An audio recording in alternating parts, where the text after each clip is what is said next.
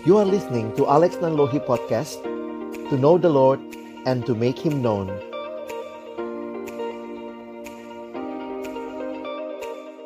Kata Alexander Agus Elias Nanlohi, uh, Sarjana Sosial Master of Arts, menempuh pendidikan S1 di Fakultas Ilmu Sosial dan Ilmu Politik Universitas Indonesia, kemudian melanjutkan pendidikan S2 di jurusan Misiologi Radcliffe College United Kingdom. Kepada Kak Alex, saya persilahkan waktu dan tempatnya, Kak. Shalom. Shalom, selamat pagi. Bersyukur buat kesempatan yang Tuhan berikan. Selamat pagi uh, Dr. Yusak, abang saya dan juga adik-adik sekalian yang saya kasihi dalam Tuhan. Mari kita berdoa sebelum kita akan membaca merenungkan firman Tuhan. Kami kembali datang dalam ucapan syukur di hadapan-Mu ya Tuhan, merindukan kembali Tuhan menyapa kami melalui firman-Mu. Pakailah setiap kami Tuhan yang boleh membuka hati di hadapan-Mu untuk juga pada akhirnya bukan hanya jadi pendengar-pendengar firman yang setia, tapi mampukan kami boleh jadi pelaku-pelaku firman-Mu. Di dalam satu nama yang kudus, nama Tuhan kami Yesus Kristus, kami menyerahkan pemberitaan firman-Mu. Amin. Pagi hari ini sama-sama kita akan melihat tema yang diberikan kepada kita, satu tema yang menarik berbicara tentang the way back. The way way back begitu ya. Dan kita akan melihat bagaimana stepping out of comfort zone and finding way back to God. Pagi hari ini saya ingin mengajak kita melihat kehidupan seorang tokoh di dalam Alkitab. Waktu yang singkat kita coba melihat beberapa bagian yang menarik dalam kehidupan Daud. Teman-teman yang dikasihi Tuhan, di dalam literatur-literatur kepahlawanan jarang sekali kita melihat bahwa hal negatif tentang pahlawan tersebut diekspos. Tetapi Alkitab kita sangat jujur karena Alkitab memberikan kepada kita gambaran kehidupan seorang tokoh yang begitu disanjung seperti Daud yang namanya terus digemakan, dikatakan kerajaan Daud tidak berkesudahan sesuai dengan janji Tuhan dan bahkan Yesus juga datang dari keturunan Daud. Tetapi sekali lagi Alkitab juga memberikan satu gambaran atau cerita tentang kegagalan sang pemimpin besar ini. Philip Yancey mengatakan dalam tulisannya, All nations have heroes, but Israel may be alone in making epic literature about its greatest heroes' failings. Dan ini yang kita boleh lihat dari kehidupan Daud. Teman-teman yang dikasihi Tuhan, kalau kita mengingat bagaimana Tuhan mengurapi Daud menggantikan Saul. Lalu Daud harus menunggu kurang lebih 17 tahun, uh, eh, 13 tahun sampai di umur 30 barulah dia menjadi raja. Maka itu pasti bukan hal yang mudah bagi Daud. Pembentukan yang Tuhan berikan bagi Daud menjadi pembentukan yang juga tentunya berharga. Prosesnya ini jadi sesuatu yang berharga bagi Daud. Namun ketika Daud telah menjadi raja, nah di sini mulai ada masalah juga ketika dia sudah sekian lama memerintah. Kita membaca satu bagian di dalam 2 Samuel pasal yang ke-11 ayat 1 dan 2. Sekali lagi, Daud sudah menjadi raja sekian tahun dan dituliskan demikian di dalam bagian ini. Pada pergantian tahun, pada waktu raja-raja biasanya maju berperang. Jadi ternyata waktu itu ada musim perang ya. Karena memang itulah kesempatan menunjukkan kekuasaan, menunjukkan kemegahan begitu ya. Jadi ada masanya pada waktu zaman dulu raja-raja biasanya maju berperang. Tapi lihat apa yang terjadi. Maka Daud menyuruh Yoab maju beserta orang-orangnya dan seluruh orang Israel. Yoab ini panglimanya. Daudnya ngapain? Dikatakan mereka memusnahkan Bani Amon dan mengepung kota Raba. Jadi sebenarnya mereka mengalami kemenangan teman-teman. Sedang Daud sendiri tinggal di Yerusalem. Sekali peristiwa pada waktu petang ketika Daud bangun dari tempat pembaringan, lalu berjalan-jalan di atas soto istana, tampak kepadanya dari atas sotoh itu seorang perempuan sedang mandi. Perempuan itu sangat elok rupanya. Dan dari titik inilah kita tahu lah ya the rest of the story. Apa yang menarik untuk kita perhatikan di dalam situasi Daud ini? Saya ingin mengajak kita merenungkan dalam kaitan dengan tema kita pada hari ini. Kita bicara tentang comfort zone. Saudara, sebenarnya tidak ada yang salah dengan comfort zone itu sendiri. Dalam arti tentunya kita manusia selalu mau balance ya. Jadi comfort zone itu sebenarnya satu sisi kita menikmati hal yang balance begitu ya, tidak menjadi terlalu tertekan tapi juga tidak menjadi lupa diri. Nah, tetapi yang terjadi dengan Daud Daud mulai menikmati status dan kedudukannya sebagai raja. Comfort zone itu menina bobokkan Daud. Sehingga lihat dia melupakan tanggung jawabnya.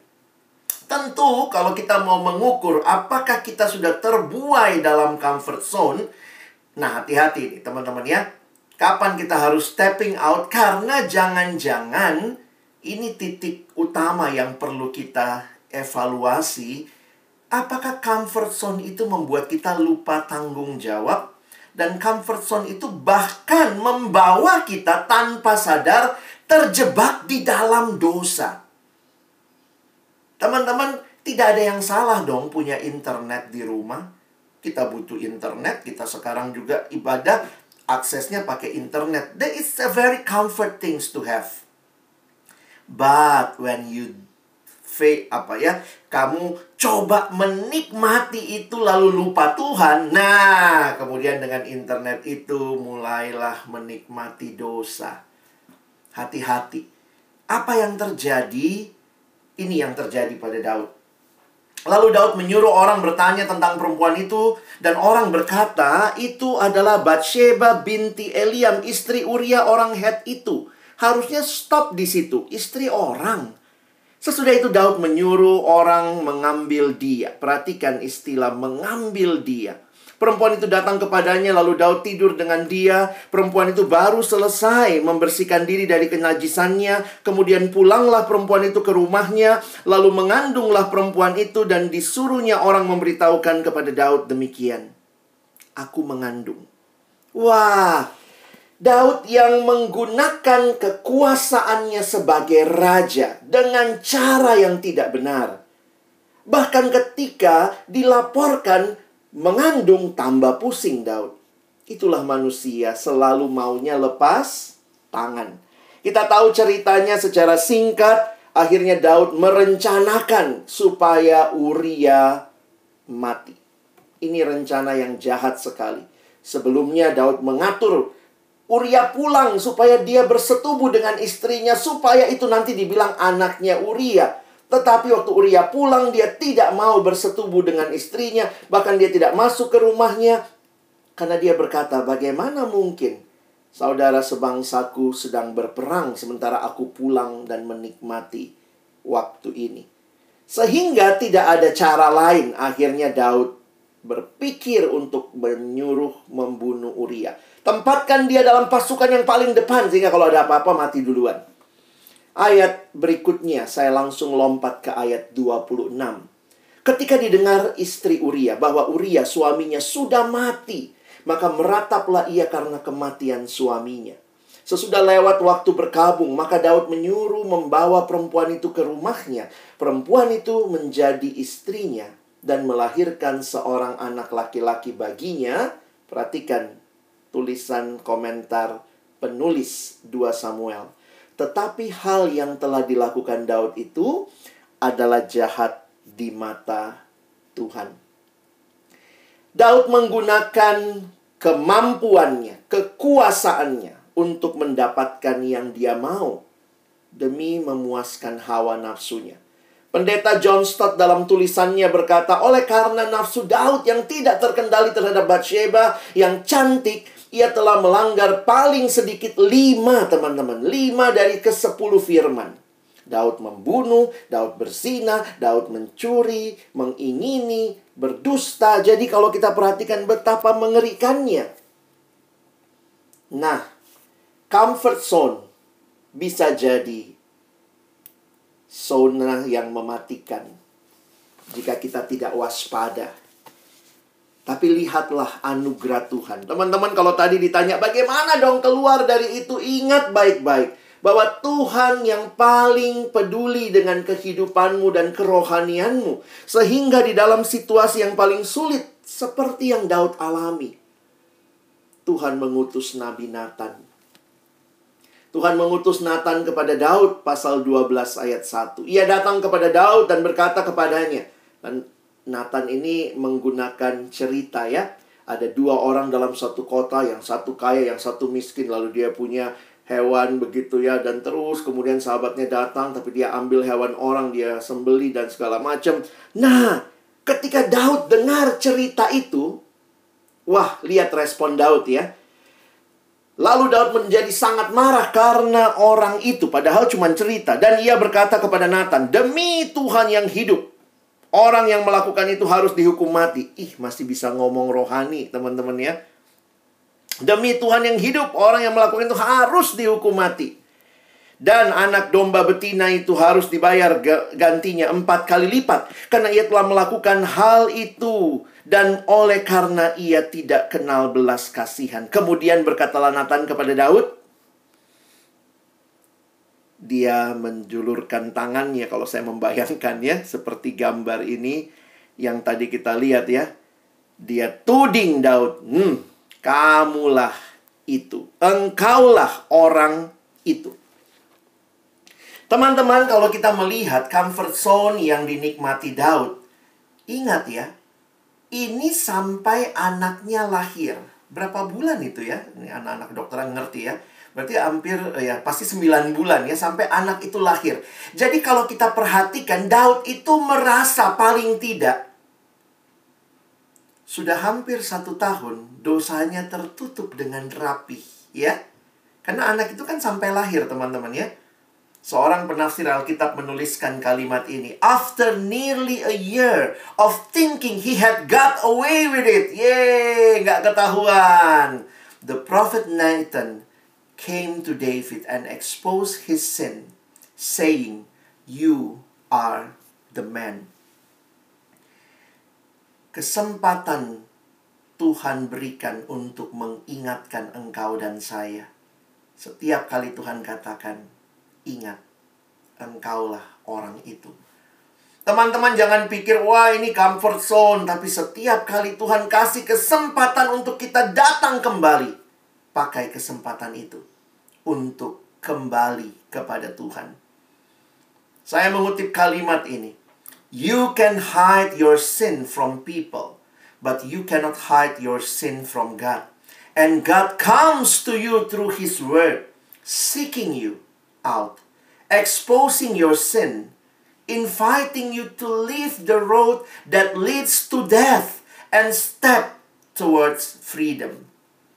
The way, way back. Puji Tuhan teman-teman ya. Respon Daud. Ayat 13. Berkatalah Daud kepada Nathan, Aku sudah berdosa kepada Tuhan dan Nathan berkata kepada Daud, Tuhan telah menjauhkan dosamu itu. Engkau tidak akan mati. Tapi ada konsekuensinya, ayat 14. Walaupun demikian, karena engkau dengan perbuatan ini telah sangat menista Tuhan, pastilah anak yang lahir bagimu itu akan mati. Jadi anaknya sebenarnya sudah lahir, lalu kemudian kalau kita baca ceritanya, anaknya itu kemudian mati. Teman-teman, Tuhan kasih kesempatan untuk kita tidak terjebak di dalam comfort zone, apalagi kalau itu mengikat kita dalam dosa. Philip Yancey menulis kesimpulan dari kisah Daud. Dia katakan ini bagi saya sangat indah ya. The best king of Israel has fallen the farthest, but neither he nor anyone can fall beyond the reach of God's love and forgiveness. Teman-teman, tidak ada satupun dari kita yang di luar jangkauan kasih Tuhan. Tuhan sangat mengasihi kita. Kalau ada kesempatan Tuhan ingatkan, Tuhan katakan kembali kepadaku, kembali kepadaku. Karena Tuhan mengasihi bukan hanya Daud, tapi kita semua anak-anaknya. Nah, karena itu, kalau kita bicara hari ini, bagaimana dong aplikasinya ya? Ini generasi GPS, kalian itu generasi GPS katanya ya, generasi yang katanya posisi itu sangat penting sampai mau ketahuan ada di mana begitu ya. Sekarang penting untuk kita evaluasi diri kita. Di manakah kamu? Where is your comfort zone? Somehow, kadang-kadang orang berpikir, wah saya di dalam dosa nggak ketahuan kok, nikmat-nikmat aja. Hati-hati, ya. Apakah kamu di dalam dosa atau di dalam Kristus? Perhatikan yang sanggup membawa kita keluar dari ini semua adalah Kristus yang telah mati bagimu di Kalvari. Teman-teman, sering kali kita berkata, bagaimana supaya saya tidak terjebak? The way out is not from yourself, it's from God. Bayangkan Kristus yang datang membawa kita dalam kehidupan yang baru. Bagi saya luar biasa. Siapa sih Yesus ini? Yang ketika dia datang ke dalam sejarah bahkan membagi dua sejarah menjadi sebelum Kristus dan sesudah Kristus. Who is this man?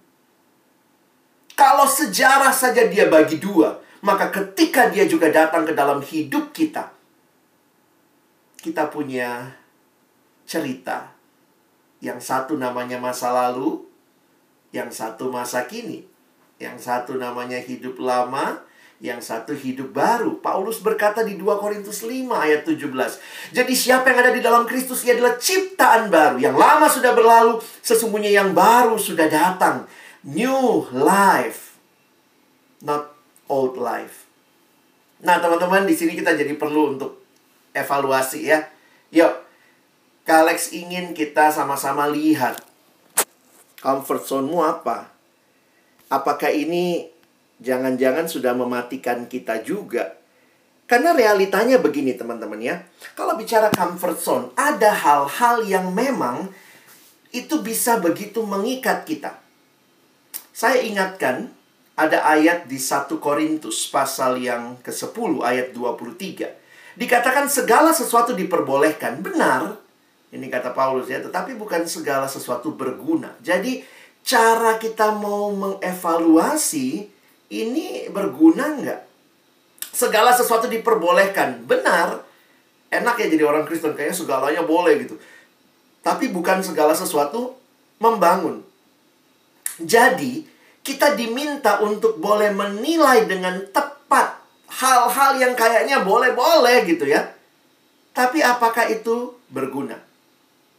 Diperbolehkan, tapi apakah itu membangun? Ini saya pikir harus menjadi titik kita berpikir bersama tentang apa yang mungkin sedang menjerat kita. Ditambah lagi di 1 Korintus 10 ayat 31, Paulus berkata, Aku menjawab jika engkau makan atau jika engkau minum, atau jika engkau melakukan sesuatu yang lain, lakukanlah semuanya itu untuk kemuliaan Allah. Wow, waktu saya lihat ayat ini kayaknya simple banget ya agak receh kayaknya. Karena makan untuk kemuliaan Allah. Minum untuk kemuliaan Allah. Sehingga Paulus katakan bukan hanya itu. Segala sesuatu yang lain. Lakukanlah semuanya untuk kemuliaan Allah. Ayo kita coba cek hidup kita ya. Jangan-jangan ada comfort-comfort zone, eh, hal-hal yang membuat kita comfort dan sering kali itu bisa jadi hal yang baik awalnya, tapi ketika contohnya apa? Saya kasih contoh lah ya. Nah, HP ini kan hal yang baik. Tapi ketika itu mulai mengikat kita dengan HP yang harusnya bikin kita smart, smartphone, tapi dengan HP yang sama, kita jatuh dalam dosa. Jadi kita mesti bisa membedakan ya. Ada beberapa hal dalam hidup itu kita harus melihat bukan hanya masalah boleh, tapi berguna atau membangun atau tidak. Nah, teman-teman kan udah masuk dalam tahap jadi mahasiswa nih ya. Contohnya apalagi? Belanja, belanja. Belanja itu kan ya boleh dong, masa nggak boleh belanja. Tapi haruskah belanja semua hal? Nah, di sini kita harus bisa melihat. Kalau engkau sudah jadi kecanduan belanja, tidak bisa lagi membedakan mana keinginan, mana kebutuhan. Beli barang nggak jelas yang penting. Ada yang ditanya, kenapa beli? Ya, lucu. Jadi habis beli ketawa-ketawa dia, karena lucu. Hanya itu. Dan ini jadi pertanyaan buat kita. Boleh, boleh belanja. Tapi apakah kita terikat dengan belanja? Kalau saya kan sudah mulai kecanduan. Kalau apa? Kalau saya udah nggak bisa bedain mana keinginan, mana kebutuhan. Apalagi nonton, wah nonton drama Korea, ya boleh dong. Kata siapa nggak boleh? Apalagi kalau filmnya bagus dan apa ya kita lihat. Tapi belum tentu itu membangun. Apalagi kalau sampai mengikat kita. Oh film-filmnya banyak yang bagus Kalian bisa nonton ya beberapa kaitan sama kesehatan Ya kaitannya ada yang lucu, ada yang menarik ya, ada cerita-cerita dokter ya, hospital playlist. Kalian bisa lihat gitu ya cerita tentang anak muda yang berbakat. Nah, sekarang ini lagi vibes juga ya tentang hometown caca-caca. Tapi pertanyaannya, kalau kamu sudah mulai kecanduan dalam arti apa? Kamu tidak lagi bisa membedakan mana tugas utama. Kalau akhirnya karena nonton kamu terbengkalai tugas kuliah, saya pikir kamu sudah terjebak. Itu boleh. Tapi apakah berguna atau tidak? Sehingga kita mesti atur waktu. Kita mesti atur waktu. Jangan sampai comfort zone itu mengungkung kita. Dan membuat kita bahkan bisa jadi tidak menikmati apa yang harusnya kita nikmati. Karena sudah kecanduan. Oh, saya nggak nonton drama Korea, Kak. Oke, mungkin ini kecanduanmu ya. Game online ini bisa jadi kecanduan juga, teman-teman ya. Hal-hal yang boleh main game, boleh. Tapi kalau main game lalu lupa belajar, lupa bikin tugas, something wrong. Belum lagi kalau hal-hal yang memang nggak benar ya ini ya. Pornografi yang dinikmati, yang mengikat begitu rupa. Sehingga tidak heran Paulus berkata di dalam Efesus pasal 4. Dia gunakan istilah yang menarik teman-teman ya. Dia menggunakan istilah seperti ganti baju. Menanggalkan dan mengenakan. Coba lihat ayatnya ya. Mungkin kita nggak baca seluruhnya, tapi kalian tangkap idenya. Ayat 22. Berhubung dengan kehidupan kamu yang dahulu. Harus menanggalkan manusia lama. Kita harus sadar apa nih yang harus saya tanggalkan ya. Dan bukan hanya menanggalkan. Tetapi kemudian mengenakan manusia baru. Inilah kehidupan yang mengalami karya Kristus sehingga kita tahu apa hal-hal yang harus kita tanggalkan yang mungkin sudah mengikat kita. That is something good, something comfort. Tetapi tanpa sadar mungkin telah mengikat kita bahkan membuat kita jatuh dalam dosa. Sehingga kita sekarang masuk dalam hidup yang baru mengenakan manusia baru. Harusnya kalau kita bicara Tuhan, yes to God. Sin, no. Jelas ya? Jangan dibalik. God, no. Sin, yes. Enggak. Kalau kita slogan itu, God, yes. Sin, no. Kita harus punya kehidupan yang berbeda. Hidup yang benar-benar menunjukkan bahwa I want to live my life for God. Ada ilustrasi ikan, teman-teman ya. Menarik juga ternyata. Ikan itu seumur hidup. Kalau dia ikan yang hidup ya itu berenangnya melawan arus. Wah, menarik juga itu. Hanya ikan mati yang ikut arus. Mari kita tidak jadi ikan mati yang ikut arus. Kita dare to be different. Cara belajarmu, cara bergaulmu menunjukkan bahwa kamu anak Tuhan. Bukan pergaulan yang mempermalukan Tuhan, tapi engkau membangun hidup dalam pergaulan yang memuliakan Tuhan. Kalau kamu sudah pacaran, cara pacaranmu pun menunjukkan pacaran itu baik kan tapi kalau comfort zone-nya gara-gara pacaran kemudian menikmati dosa dan akhirnya tidak kudus no true love waits. Perhatikan kalimat di bawahnya. Save it until marriage. Karena itu bukan hanya tanggalkan tapi sekarang pikirkan ya kita juga harus mengenakan. Apa nih yang harus kita kenakan? Bersyukur Tuhan memberikan kepada kita pertumbuhan kalau Tuhan sediakan pertumbuhan, kamu mau komitmen nggak untuk bertumbuh? Ya, karena bagaimana meninggalkan comfort zone yang mengikat dalam dosa? Kuncinya, bangun hidupmu yang terikat kepada Allah. That is the true freedom. Ini pertumbuhan seumur hidup. Perjalanan rohani. Menarik tadi Dokter Yusak katakan kamu butuh Tuhan. Betul teman-teman. Saya pikir dari kami yang sudah melewati hidup sekian lama. Itu kesaksian bahwa yang paling kita butuhkan bukan status kok. Kalau kamu jadi dokter tanpa Tuhan, maka statusmu nggak ada gunanya. Pencapaian akademismu nggak ada gunanya. Tapi kalau di dalam Tuhan, kamu terus berpaut kepada Tuhan. kamu akan melihat perjalanan yang indah. Pertumbuhan rohani itu proses seumur hidup seperti anak yang bertumbuh. Dan Tuhan sediakan, Tuhan mau kita bertumbuh, jangan cuma jadi bayi rohani teman-teman ya. Nah untuk itu apa yang Tuhan sediakan? Kita lihat ya. Nah ada tiga hal yang Tuhan sediakan. Pertama dia berikan roh kudusnya. Diam di hati setiap kita yang percaya. Roh kudus yang memampukan kita, menguatkan kita. Dengan kekuatan sendiri kita tidak sanggup. Tuhan kasih apa lagi? firmannya. Tuhan berikan firmannya untuk menolong kita terus boleh hidup di dalam dia. Dikatakan firmanmu itu pelita bagi kakiku. Terang bagi jalanku. Itu menggambarkan kita hidup dalam dunia yang gelap teman-teman. Dan di dunia yang gelap ini. Tuhan memberikan firmannya menjadi guidance buat kita. Saya sering melayani anak SMA. Banyak yang suka nanya, Kak Alex, bagaimana Tuhan mau apa dalam hidupku? Khususnya kalau mau pilih kuliah ya, jurusan gitu. Aduh Kak, Tuhan mau apa dalam hidupku? Ini ngomongnya rohani banget. Tuhan mau apa? Tuhan mau apa? Terus saya tanya, kamu rajin baca Alkitab nggak? Nah itulah kak, saya sibuk banget kelas 12. Aduh kak, susah banget ini. Sibuk. Saya bilang, kamu mau tahu kehendak Tuhan, tapi kamu tidak mau baca firman Tuhan. Never say God is silent with your Bible closed. Jangan bilang Tuhan diem, padahal kamu sendiri nggak buka Alkitabmu ya. Jadikan firman Tuhan pedoman, pegang firman Tuhan. Dan yang ketiga, Tuhan kasih kita komunitas. Puji Tuhan. Tuhan kasih kita komunitas karena kita tidak hanya bertumbuh sendiri. Tuhan berikan orang-orang yang bertumbuh bersama. Bertumbuh bersama di dalam iman. Dan puji Tuhan, di kampus ini ya tentu tempat bersekutu kita semua anggota gereja. Tetapi di kampus ini Tuhan berikan MSCF Medical Science Christian Fellowship. Dan kita bersyukur untuk keindahan yang Tuhan berikan untuk memberikan pertumbuhan bagi kita. Bagaimana respon kita? Ya teman-teman jadilah orang-orang yang bukan hanya senang dengar firman tapi memberi respon kepada Tuhan. Will you stepping out from your comfort zone? Come into life.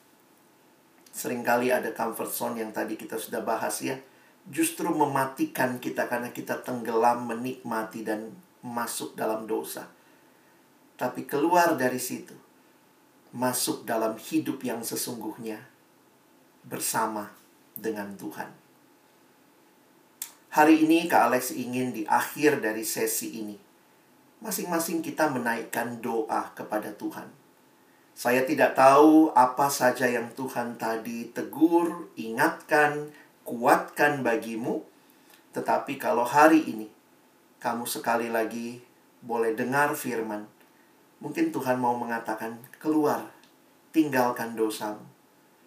Jadikan Yesus satu-satunya Tuhan dan Juru Selamatmu dan bangun hidup yang benar-benar membangun kamu untuk hidup bagi Tuhan. Mari saya ajak kita boleh sharing sebentar. Saya mohon kita bisa mungkin kalau kalian ada bisa scan gitu ya. Saya akan copy linknya juga. Teman-teman silahkan Kak Alex ingin kita sama-sama boleh meresponi firman ya. Apa yang jadi doa kita pagi ini setelah dengar firman? Mungkin kamu bisa melanjutkan kalimat ini ya. Tuhan Yesus, tolong saya. Apa saja yang Tuhan ingatkan? Silakan boleh menuliskan responmu di Padlet ini dan nanti kita akan mendoakan bersama ya. Tuhan Yesus terima kasih banyak Hari ini kami mendengar firman-Mu. Kami belajar betapa Engkau mengasihi kami.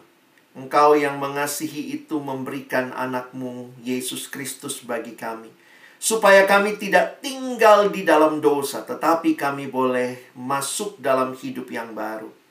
Hidup yang kami jalani untuk menyenangkan Tuhan. Hidup yang terus bertumbuh dan karena itu Tuhan mampukan kami, kuatkan kami. Rohmu yang kudus menyertai kami. Firmanmu menjadi pelita bagi kaki kami. terang bagi jalan kami. Dan komunitas menjadi tempat bersama-sama kami bertumbuh. Tolong kami. Pada akhirnya bukan hanya jadi pendengar firman, tapi sungguh kami boleh jadi pelaku-pelaku firman-Mu. Terima kasih ya Tuhan. Kami bersyukur berkati acara kami selanjutnya untuk semakin mengerti apa yang menjadi rencanamu bagi kehidupan kami. Kami bersyukur dalam nama Yesus kami berdoa. Amin.